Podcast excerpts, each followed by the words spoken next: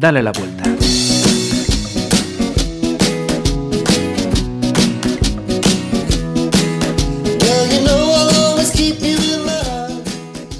Saludos, echabais de menos el Dale la vuelta, ¿verdad?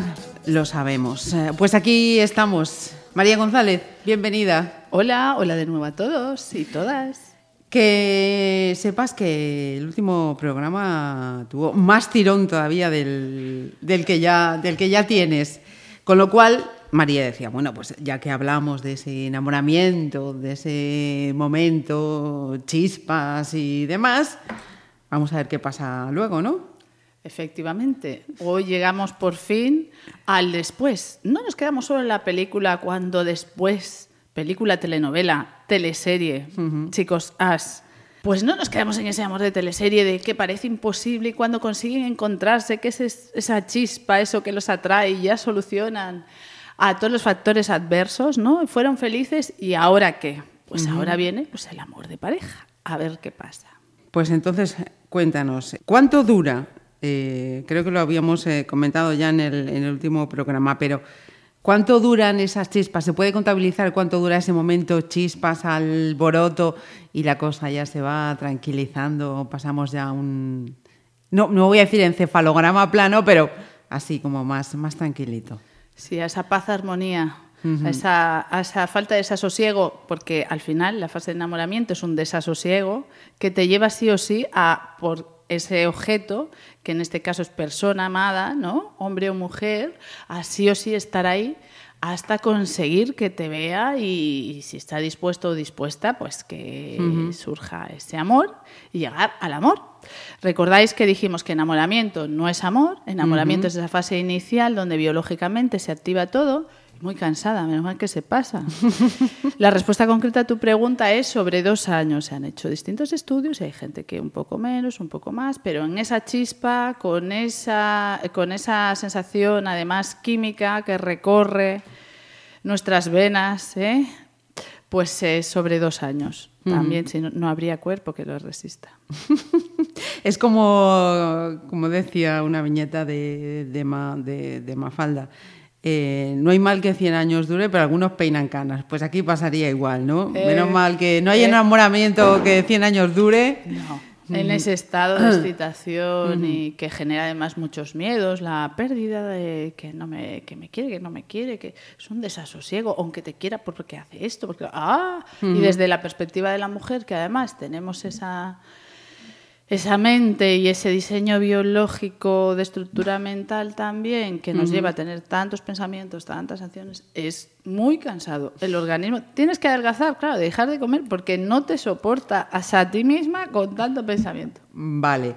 Eh, dos años. ¿Qué es lo que nos eh, cambia esa química? ¿Qué es lo que nos pasa para ir relajando?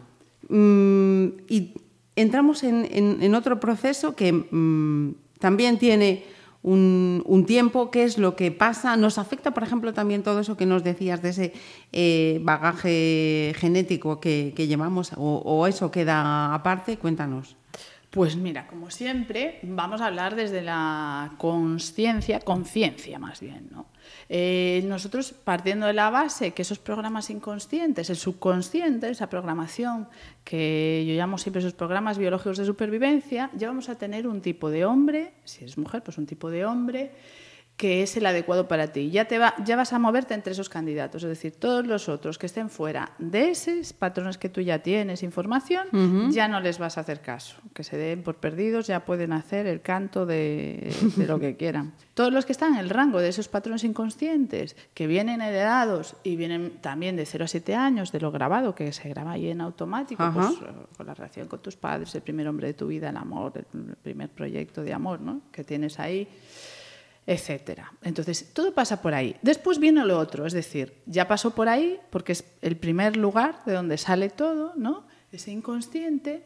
Entonces, está dentro de los patrones y tú ves a alguien ya que te gusta o le gustas a alguien que se acerca y tú lo ves y dices, ah, sí, es algo inconsciente, es decir, tú no eliges. Tú no eliges a quién, ah, me tiene que gustar este. No, puedes decir, bueno, hago un partido maravilloso, ¿por qué no me gustará? ¿Y me gustará o no? Y eso porque tiene que pasar primero por el filtro ese filtro, que no sabemos qué pasa, pero queridos oyentes, Ya nos podemos ir dando cuenta que sí, es epigenética. Vale, entonces sí, primero pasa por ese filtro y después se, se desencadena toda esa reacción. La- esa reacción que nuestro cuerpo genera una química a través de las glándulas, pues en el enamoramiento, que son las endorfinas, de las variedades de norepinefrina, la dopamina, fenilalanina, bueno, Todas estas, estas que nos tienen en llama, eso de picor rascar, pisco- picor rascar, ¿no? Ay, que tengo que ir a verlo, no quiero, pero bueno, que sí, que sí, que tal. Ah, ah, ah. Pues es eso. Y después, pasado ese periodo de tiempo, que eso dura pues aproximadamente dos, Dos años, así, en on fire, fuego máximo, pasamos a- al siguiente paso, que es la oxitocina, al amor, al amor estable, al amor de pareja. Esa, esa gama de, de hormonas como la oxitocina, en ese nivel de programas que se activan, pues te permite ver al otro, es eso. Ya no tiene por qué ser un príncipe azul, ya puedes ver sus defectos o lo que más te gusta, porque no tiene, nadie tiene defectos, es a según lo que yo entienda como positivo o negativo, ¿no? o lo que valore en una persona. Entonces te permite verlos, aceptarlos y decir, bueno, pues sí, pues hacemos proyecto en común, formamos pareja o pues no, cada uno por su lado. Viene ahí la continuidad o el desamor, pero el desamor lo dejaremos para el siguiente programa. Ajá. Pues entonces nos quedamos con la continuidad.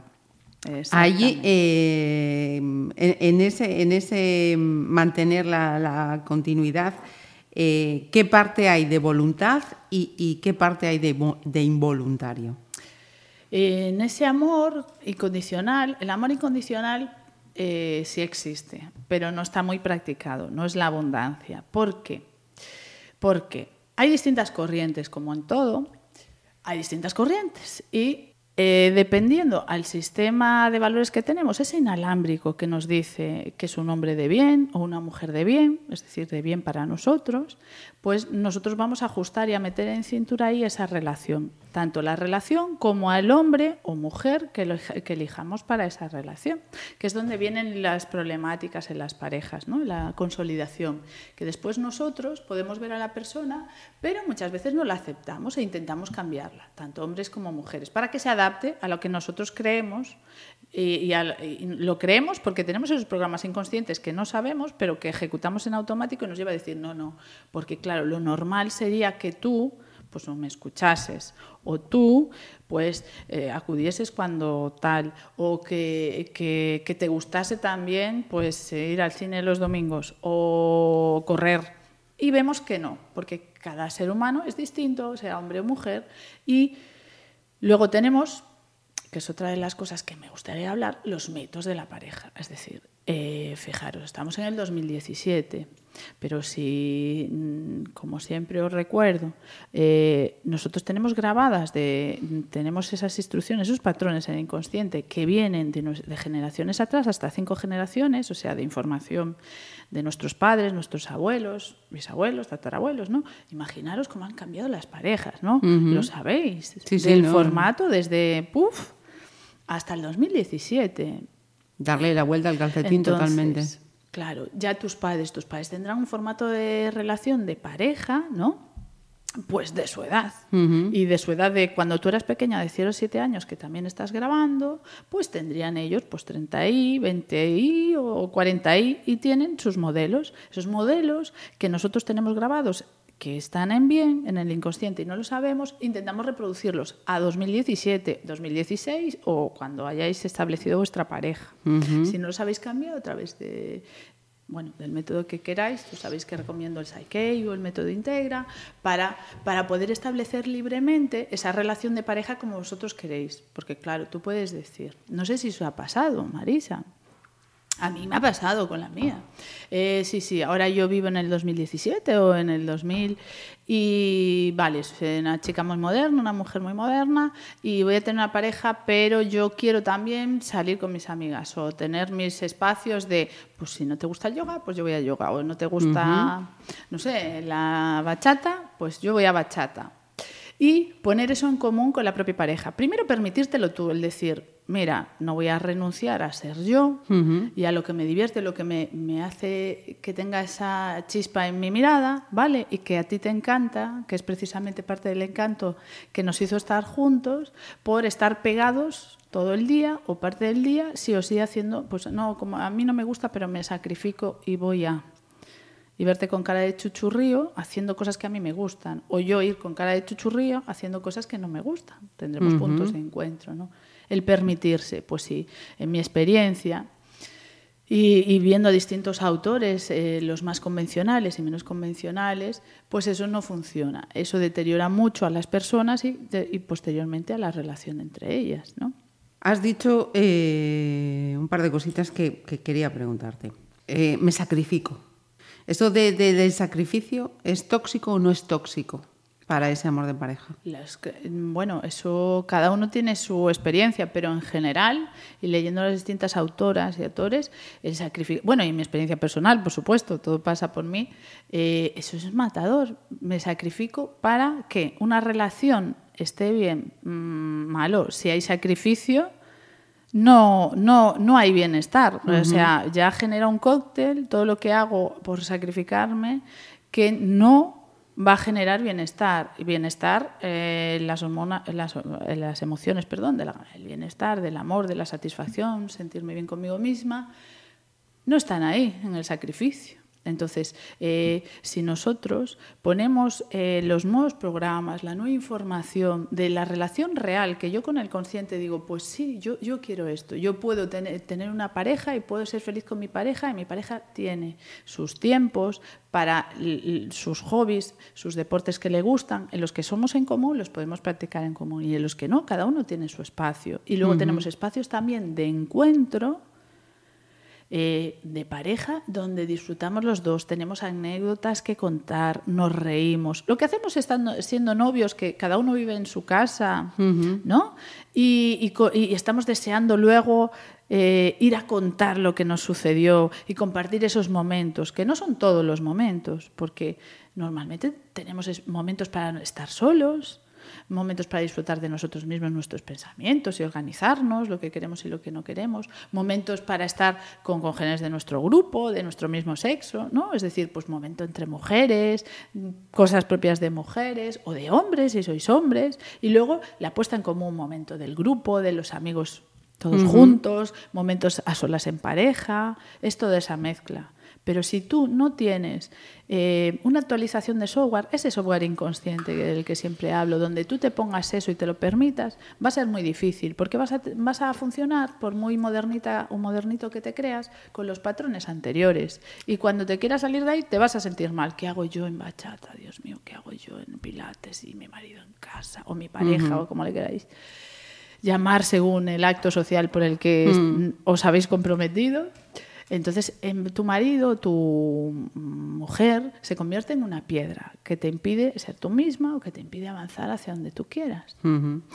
Eh, por tanto, todo aquello que suponga eso, renunciar a, uno mismo, a, lo que tú quieras, a sentirte bien, tiene unos efectos tóxicos o no tóxicos que al final van a influir en esa relación de pareja. Por supuesto, si tú te sientes bien, ¿a ti te gusta tener un compañero, o sea, una pareja eh, que esté amargada? Que tenga cara de culo.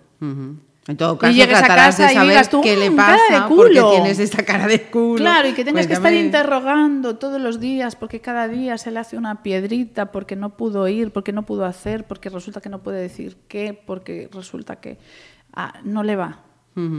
No, a que no. Pues eso es lo que hacemos muchas veces cada día y al final se va cargando eh, tu propia vida y por consecuencia la relación, porque cargarse la relación es secundario al final. Lo que te cargas al final eres tú. y, otra cosa que comentabas también, ¿no? Ese, ese cambio generacional del que hablabas, del concepto de, pareja. Eh, sí que me ha tocado escuchar muchas veces a, personas de, generaciones eh, anteriores que, dicen, claro, es que ahora las parejas eh, no duráis tanto porque mm, no tenéis ese concepto de aguantar, de saber eh, llevar los defectos de los demás como llevábamos antes. Frase errónea. Eh, no, no, no, efectivamente. Si no aguantas, algo que no aguanta sostienes eh, o cae o se rompe, depende de lo que sea, ¿no? Es decir, sí es, sí es cierto, sí es cierto. Es decir, el tema es que tendríamos que replantearnos el tipo de pareja y que a lo mejor la pareja estable para toda la vida es un sistema piedra. Puede ser que tú te comprometas con 20, con 25 años hasta que te mueras, que puede ser perfectamente a los 80, con la misma persona y de la misma manera, pues, mm, ¿cómo te suena? ¿A aguantar o no? Hombre, mm, yo no sé si sería capaz de... claro, suena a aguantar. Eh, entonces, en esa frase que has comentado al principio, pues hay dos ítems diferentes que hay que diferenciar. Yo soy de las que no estoy por aguantar. Yo, las personas son algo dinámico y no eres igual con 20 que con 30, que con 40, etcétera, etcétera, etcétera. Entonces, eh, la relación tiene que estar fluida y tiene, para ser fluida tiene que haber una, mm, eh, una disposición a llegar a acuerdos y a fluir, incluso a no llegar a acuerdos y, continuar. Aunque haya un objetivo común, pues disfrutar de cada uno y con sus tiempos y a veces estaremos más juntos y a veces pues estaremos más cada uno a su lado y eh, en algunas cosas eh, serás la persona ideal para acompañarme y ayudarme y en otras no entonces, el aceptar todo eso, que creo que es lo que dicen también los mayores, es decir, ya no es aguantar, es también saber gestionarse a sí mismo. Sí que quizás ahora falte, porque ahora hay mucha libertad y hay más gestión de, bueno, pues las parejas, ahora hay todas las modalidades, ¿no? Pues los que solo tienen sexo, los que, los que tienen sexo y hay convivencia, los sin convivencia, bueno, tienen muchos nombres, como todos sabemos, ¿no? Hay muchas fórmulas. Sin embargo, la fórmula de eh, Quírete a ti mismo, conócete, estate armónico contigo. ¿Armónico qué es? Eh, saber gestionarse a uno mismo, saber gestionar su emoción, tener claro tus valores, llevarlos a cabo desde el respeto, no desde pasar por encima eh, del otro, eh, ni de ti mismo. Eso yo creo que no está tan claro, que esa es la segunda parte que dicen los mayores, ¿no? Y claro, enseguida ya aflojáis y tiráis. Primero no aguantáis y después ¿no? No, pues claro, yo creo que la palabra aguantar y relación igual no debería ir a la par si queremos que genere bienestar, que las relaciones pueden ser de muchas maneras y que a veces son para tiempos determinados y son relaciones estables, pero para siempre es una palabra a mí, se me queda muy grande, porque yo no sé qué voy a hacer para siempre. Entonces, ¿y qué circunstancias va a haber? Entonces, pues aceptar y aceptar también las características de hombres y mujeres y los siglos y los tiempos. Y hablabas que decías que querías saber de los mitos de la pareja. Ay, sí, sí, los mitos de la pareja. Mira, hay muchas por lo menos a mí, y he visto leyendo distintos libros, que luego vamos a hacer recomendaciones y escuchando a todas las versiones, ¿no? desde a los terapeutas, a los psicólogos, a los pedagogos, a, a la ciencia cuántica, pues que mm, el amor y el amor de pareja es algo que está siempre en el candelero, ¿no? Es decir, siempre nos preocupa, siempre es una base de nuestra vida con que nos acompañamos para el desarrollo de cualquier de nosotros mismos a lo largo de las distintas etapas de la vida, ¿no? Y todos pues tienen sus propuestas, también su, su especie de normas, ¿no? El ser humano es muy de hacer normas y de creer que lo que piensa es la verdad y está en posesión de la verdad. Y hemos visto a lo largo, si empiezas a leer o echar la vista atrás, ¿no? Cómo nos van cambiando las gafas que tenemos, ¿no? Y vamos viendo de que lo que antes decíamos y era claro y era la piedra filosofal que era así, ahora es totalmente contraria o opuesta o muy, muy relativa. Y siempre pensamos, como vivimos en el momento presente, que es el de la conciencia, el que nos permite esto, esa percepción, que estamos en posesión de la verdad. Y a veces repetimos errores por no ir atrás y no echar la vista atrás. Y esto ya lo hemos dicho, esto es lo mismo pincelado ahora mismo. Y ya no había funcionado, pero siempre creemos firmemente que es así, ¿no? Entonces, las distintas corrientes ponen una, distintas normas para la convivencia, para que la pareja sea estable, es decir, te funcione siempre ya, para siempre jamás y estar ahí, según a quien atiendas. ¿Qué quería decir con todo esto? Mitos. Que sí, que hay muchos mitos y leyendas y dependiendo la época. Entonces, yo he seleccionado unos que me han parecido pues muy acertados. Si os fijáis en la adolescencia, en la pubertad, ¿no? en la fase de desarrollo hormonal, cuando se les empieza en educación, por ejemplo, en los institutos o, o, un poco antes, a finales de primaria, cuando se empiezan con, con las charlas sobre sexualidad, porque empiezan el desarrollo, ¿no? los, los cuerpos empiezan a cambiar, tanto ¿no? en chicos y chicas, en la barba, eh, pues empiezan a salir los pechos, las curvas, ¿no? y viene todo ese movimiento mental, ¿no? se les empieza a hablar sobre la sexualidad, que los comportamientos, las enfermedades de transmisión sexual, los embarazos, ¿no? Se empieza a hablar de todo eso. Bueno, yo he hecho mucho de menos eh, la educación, ¿no? También el hablar de darle herramientas de, bueno, además os vais a encontrar, porque ya decimos que, que, las glándulas empiezan a funcionar y a secretar esas hormonas, y esas hormonas tienen un resultado uh -huh. en todos nosotros, ¿no? Es decir, y que sepáis que hay distintas fases y que va a haber estos movimientos y que os podéis sentir muy eufóricos, muy tal. ¿Y cómo gestionar esa euforia? Es decir, ¿y qué podemos hacer? ¿Y cómo? Porque cuando estás en esa euforia, tú no vas a ver más allá. O sea, uh -huh. eso es como que te posee. ¿Qué puedes hacer para, para volver al mundo real? ¿no? Uh -huh. Es decir, hacer un corte Estás y pega. drogado, no y dices tú, capaz que de... sepas que tú la vas a ver ideal, lo vas a ver ideal, pero Ajá. que esto es la hormona que, que pasa en un tiempo. ¿Cómo agarrarte a, a, para poderte centrar, para no hacer un mundo de todas esas cosas, para que la adolescencia no se convierta en una edad tan turbulenta de extremos, de extremos, donde muchas veces se pase mal en los extremos, tanto por arriba como por abajo, sino herramienta para estar ahí, ¿no? También hablarles de los mitos de la pareja o de los mitos de, ¿no? Es decir, a ver, puede haber muchos tipos de pareja y hablarlo claramente, ¿no? Eh, y, y, y, dialogar y, y, mostrar todo tipo de posibilidades, porque a veces, eso se, para, para, mi entender, que seguramente está equivocada y no, no conozco a todos los institutos y a toda la educación de España, un poquito sí, pero no toda, dar esa, esa opción, abrir mentes de decir, eh, pareja Esto estable, es... pero cada uno pone las normas. Para poner las normas Primero hay que estar centrado, no se puede hacer desde la euforia máxima porque después ves cómo se te derrumba todo. Venga, ¿cómo podemos hacerlo? Vamos ahí a dar esa herramienta. Uh -huh. Vale, entonces los mitos sobre el amor, los típicos. Uno, el mito de la media naranja. Pues esto es también algo a debatir. Como que nunca uno está completo, siempre necesita esa necesidad para desarrollarse y estar completo de tener una pareja, pues ya sea hombre o mujer, del mismo sexo o del otro como esa necesidad para estar satisfecho en la vida de encontrar a alguien que te quiera o con el compartir. Pues está claro que no. Tú vienes entero, no necesitas otro medio. Puedes querer compartir con alguien eh, y tener una pareja que te complemente o con simplemente con la que te sientas bien. Bien, pero no es tu media naranja y no existe una. Es decir, y en las distintas fases de la vida te encontrarás muchas, porque uh -huh. eso es otro, el mito de la exclusividad.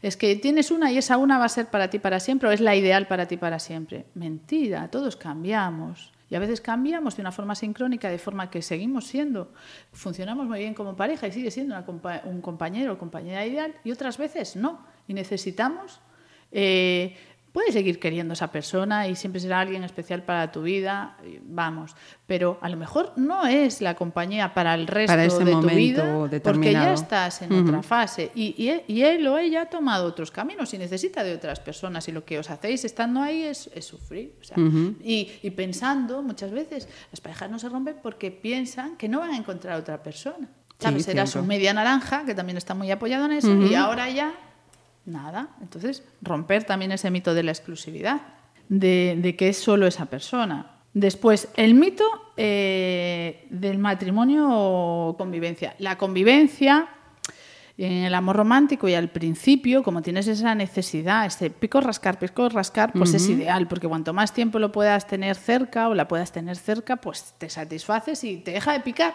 y estás estupendo. Pero con el paso del tiempo y este amor estable del que estamos hablando, pues ya no tienes ese picor y, y, y, te gusta compartir, pero te gusta compartir determinados espacios con esa persona y sin esa persona, uh -huh. para ti mismo, lo que decíamos. Entonces la convivencia desgasta mucho, sobre todo cuando eh, se insiste en estar sí o sí para todo. Entonces eso también hay que tenerlo en cuenta. Uh -huh.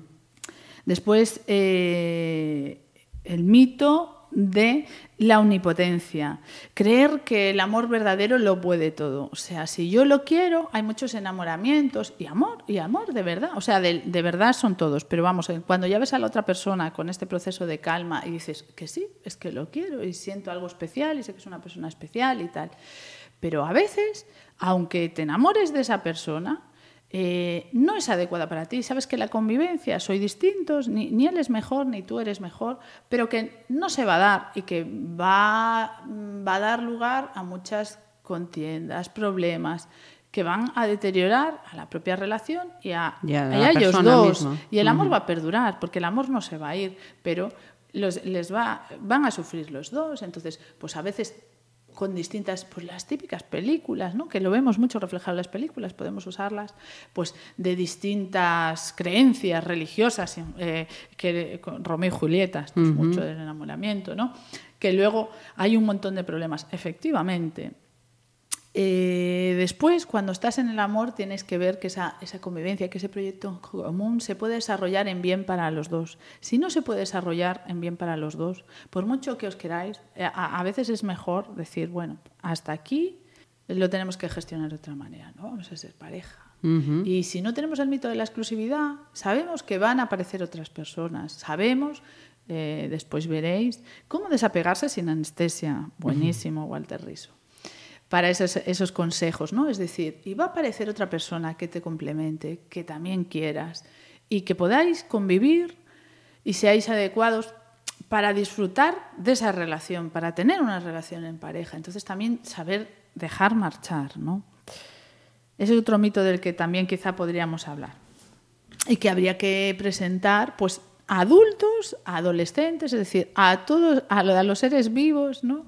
Para poder armonizar en sus parejas, en su vida a vida, en su día a día. Porque luego, fijaros, ¿cuántas veces no se oyen eh, parejas que se rompen con hijos y sin hijos, ya eh, que, que, luego están amargadas? Que, que, que, aún por encima, si tienes hijos, esos hijos están amargados, eh, usan a los hijos para lastimarse, se lastiman uh -huh. ellas solas, cogen otras parejas, ellas mismas o ellos mismos para lastimarse, luchan entre uno y otro. Ah, y, y, qué desgaste de vida. Sí, sí, está ahí. Pues claro, todas estas cosas yo creo que si nos detuviéramos, ¿no? A hablarlas desde el instituto hasta nuestras charlas cotidianas con nuestros amigos o nuestras amigas o en grupos o hacer cursos, no sé cuál sería, o a lo mejor todas uh -huh. serían las mejores fórmulas y que cada uno eligiera dar muchos espacios donde esto se pudiera dar.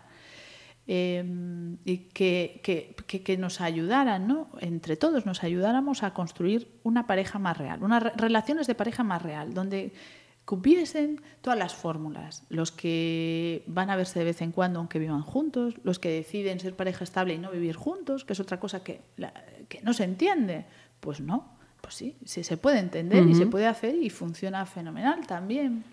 El separarse y llevarse bien y pues llegar a acuerdos a una serie de, de, de, reglas, ¿no?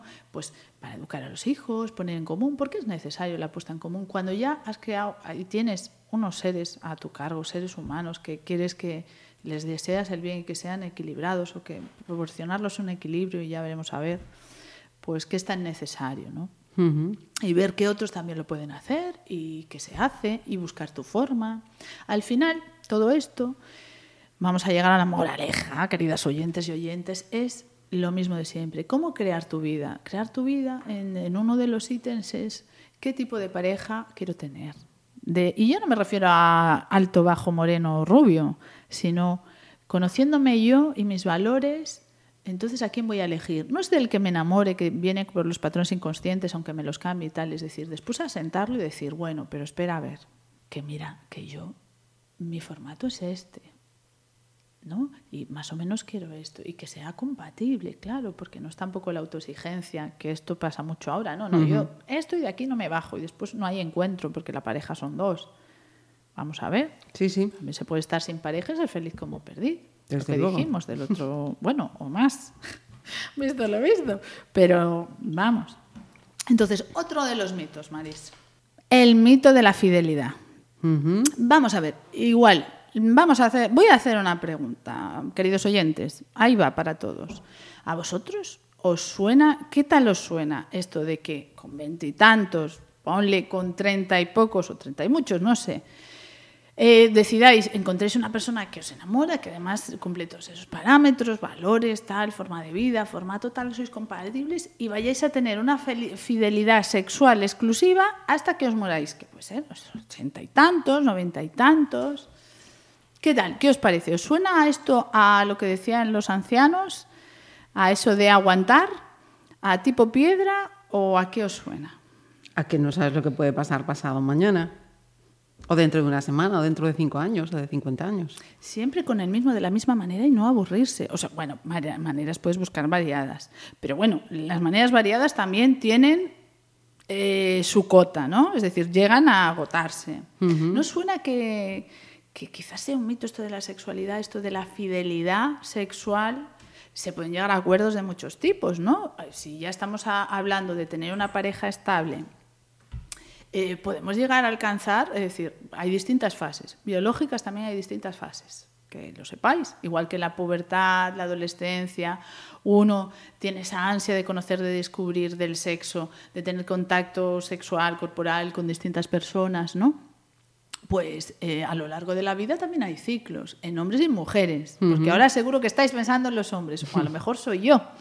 Pero no es cierto, las mujeres también tenemos nuestros ciclos y nuestros deseos y la necesidad, que también va apoyada biológicamente por tener contactos sexuales eh, variados.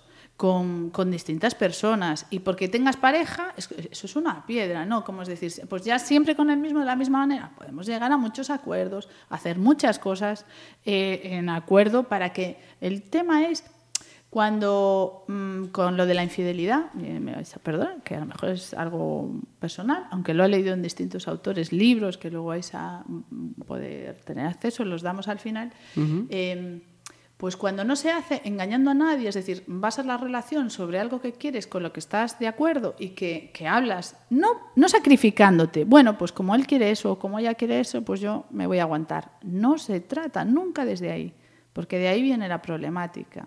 ¿no? Es decir, se pueden hacer y experimentar distintas cosas. Hay muchos formatos de pareja y se pueden ir cambiando. Es más, de cómo se empezó al principio, cuando tienes veintitantos o treinta y tantos, a cómo continúas, ¿no? Y no pasaría nada, siempre que nosotros seamos lo suficientemente adultos, cada uno de la pareja, para proponer. Es decir, mira, llega un momento en que hay esto y yo pues quiero experimentar esto o probar esto o que nos demos un tiempo, aún siendo pareja, nos demos un tiempo para ver qué queremos, eh, si queremos estar con otras personas a nivel sexual y a otros niveles. E, es, otro, es, es, otra reflexión más ¿no? dentro de eso y que crea tantos problemas, porque eh, no sé tú, pero también por mi barrio, hay muchas parejas que se separan porque en un momento dado alguien ha tenido pues una aventura o puntual o menos puntual pues con otra persona, tanto en hombres como en mujeres, es decir, que nos pasan a, los dos sexos. Y muchas veces, pues a veces si abriéramos ese campo de decir, pues yo tengo necesidad de estar con alguien más o vamos a que suena difícil, sí, nadie ha dicho aquí fácil. He dicho ponerse y resolver las cosas. Lo que decías tú en la frase anterior de los antiguos, es decir, bueno, no voy a meter la cabeza en un agujero porque yo necesito esto o siento que necesito esto. ¿Tú qué necesitas? Porque a veces son muy pares, muy, van, van a, la, a la vez en ambas personas y ponerse de acuerdo, eh, entenderse el uno al otro y no, ah, porque claro, yo me estoy aquí aguantando y tú te saltaste el aguantamiento y, ala, y te pillé. Es que desde luego tal cual. Y yo aquí, que es lo que luego mata todo, la confianza y esa posibilidad de seguir, ¿no? decir, bueno, vamos a darle ahí un reenfoque, ¿no? Y que esto te lo cuenten desde el principio, antes de empezar relaciones serias, pues estupendo, ¿no? Debería. Bueno, no sé si debería, pero a mí me suena bien. A mí sí me lo hubieran contado desde el principio. Mucho ahorraba, queridos oyentes, mucho ahorraba. Pero bueno, también tiene su gracia ir descubriéndolo, está claro. Y nada más, en cuanto a los mitos, pues hay el mito de los celos, ¿no? Que el mito de los celos que, consiste en que ser celoso demuestra amor cuando tú sientes ese, y haces hincapié en esa posesión. ¿Cuánto daño está haciendo eso? Claro, esa posesión y yo te lo muestro así para que veas que te quiero, ¿no? Pues eso no es, no es amor, ni es amor de pareja, amor incondicional. Esto es una variante de la falta de quererse uno mismo, de necesitar tanto al otro, de pensar que no va a haber otro, que como efectivamente notas esa sensación de amor, pues tiene que ser él o ella y de esa manera, que es como tú entiendes que es una relación. Y entonces, pues eh, los celos solo llevan a la ira, al enfado y a la expresión de todas esas cosas, pues que no suele ser sana ni para el que los tiene ni para el objeto de los celos, es decir, para el hombre o la mujer. ¿no? Ahí sí que hay que hacer una, vas a permitir, María, una llamada de atención porque precisamente ese eh, mal concepto mal concepto es lo que nos está llevando a un problema social que tenemos ahora mismo que es eh, la, violencia en las parejas y que se está constatando muchísimo, muchísimo, muchísimo en edades muy tempranas, precisamente.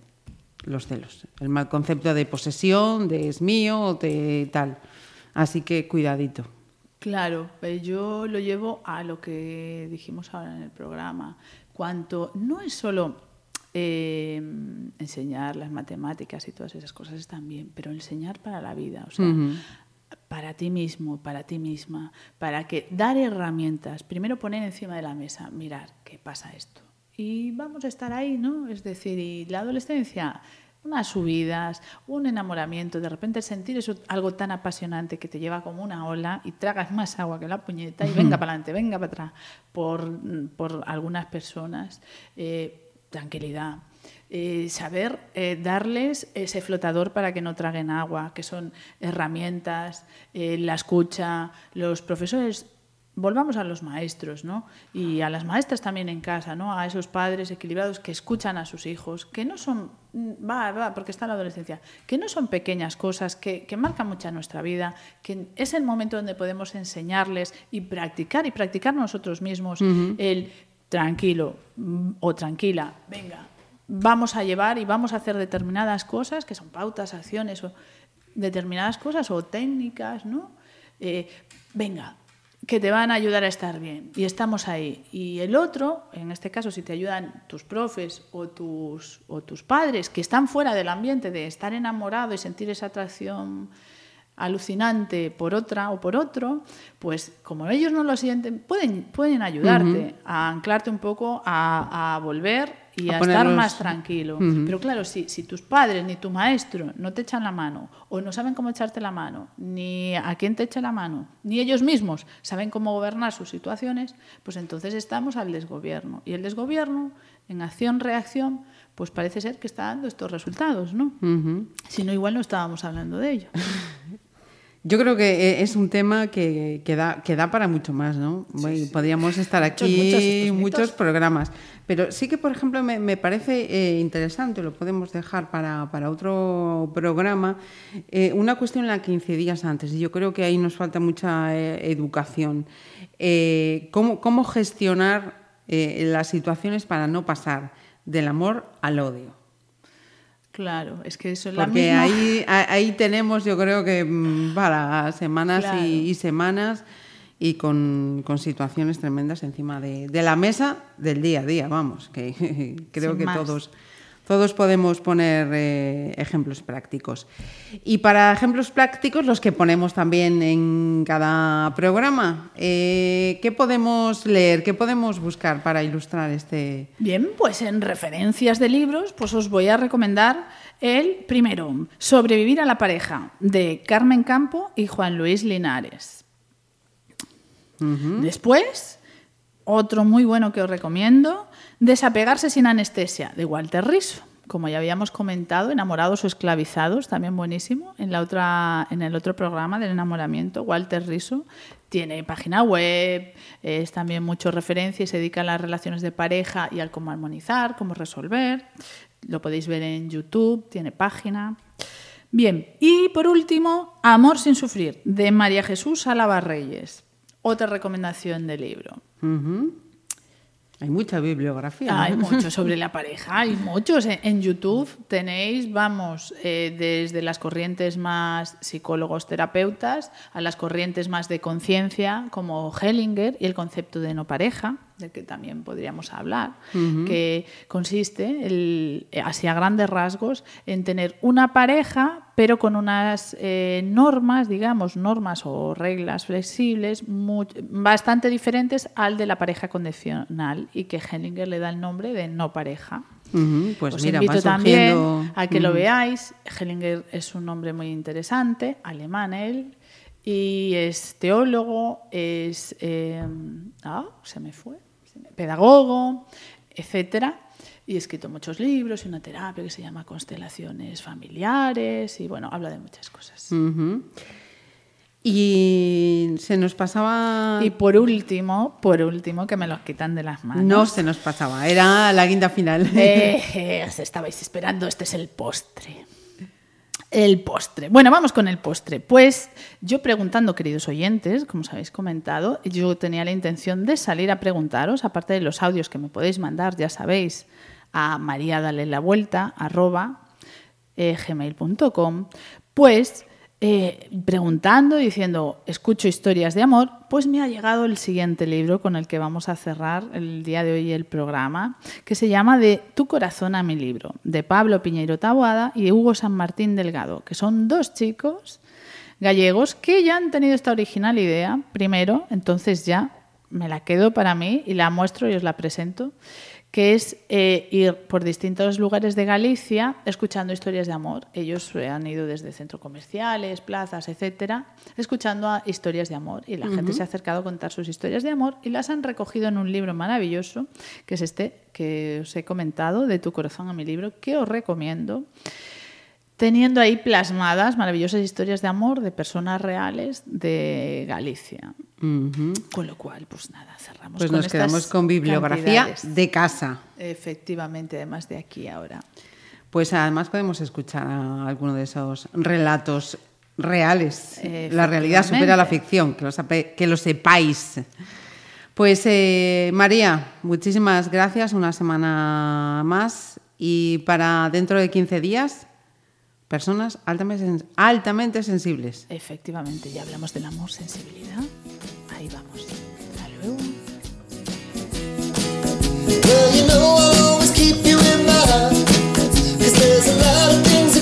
El amor es felicidad y dolor por partes iguales. Disfruta del dolor porque la felicidad es muy sencillo. Una vez logres eso, ya estarás preparado. Disfrutar del dolor es una de las cosas más extrañas que yo he podido aprender en mi vida. He llorado a mares, maldecido, rezado. No sé cuál de ellas habré hecho más veces, pero de lo que sí estoy seguro es que todo pasa en una cierta medida. Con el tiempo empiezas a valorar, luego a aprender y por último a disfrutar de algo que ha volado. No existe un tiempo exacto ni la medida correcta, solo la paciencia y sobre todo una buena dosis, una muy grande de distracción. Hoy en día nos dejamos influenciar por una sociedad que está en guerra constante por ver quién la tiene más grande, en forma de seguidores o me gusta. Olvida todo eso. Observa dentro de ti. Seguramente tengas muchísimo que decirte a ti mismo y también a muchas personas que te rodean. Pero observa bien la melodía con los oídos y escucha desde tu mirada. Nunca sabes quién puede cambiarte la vida.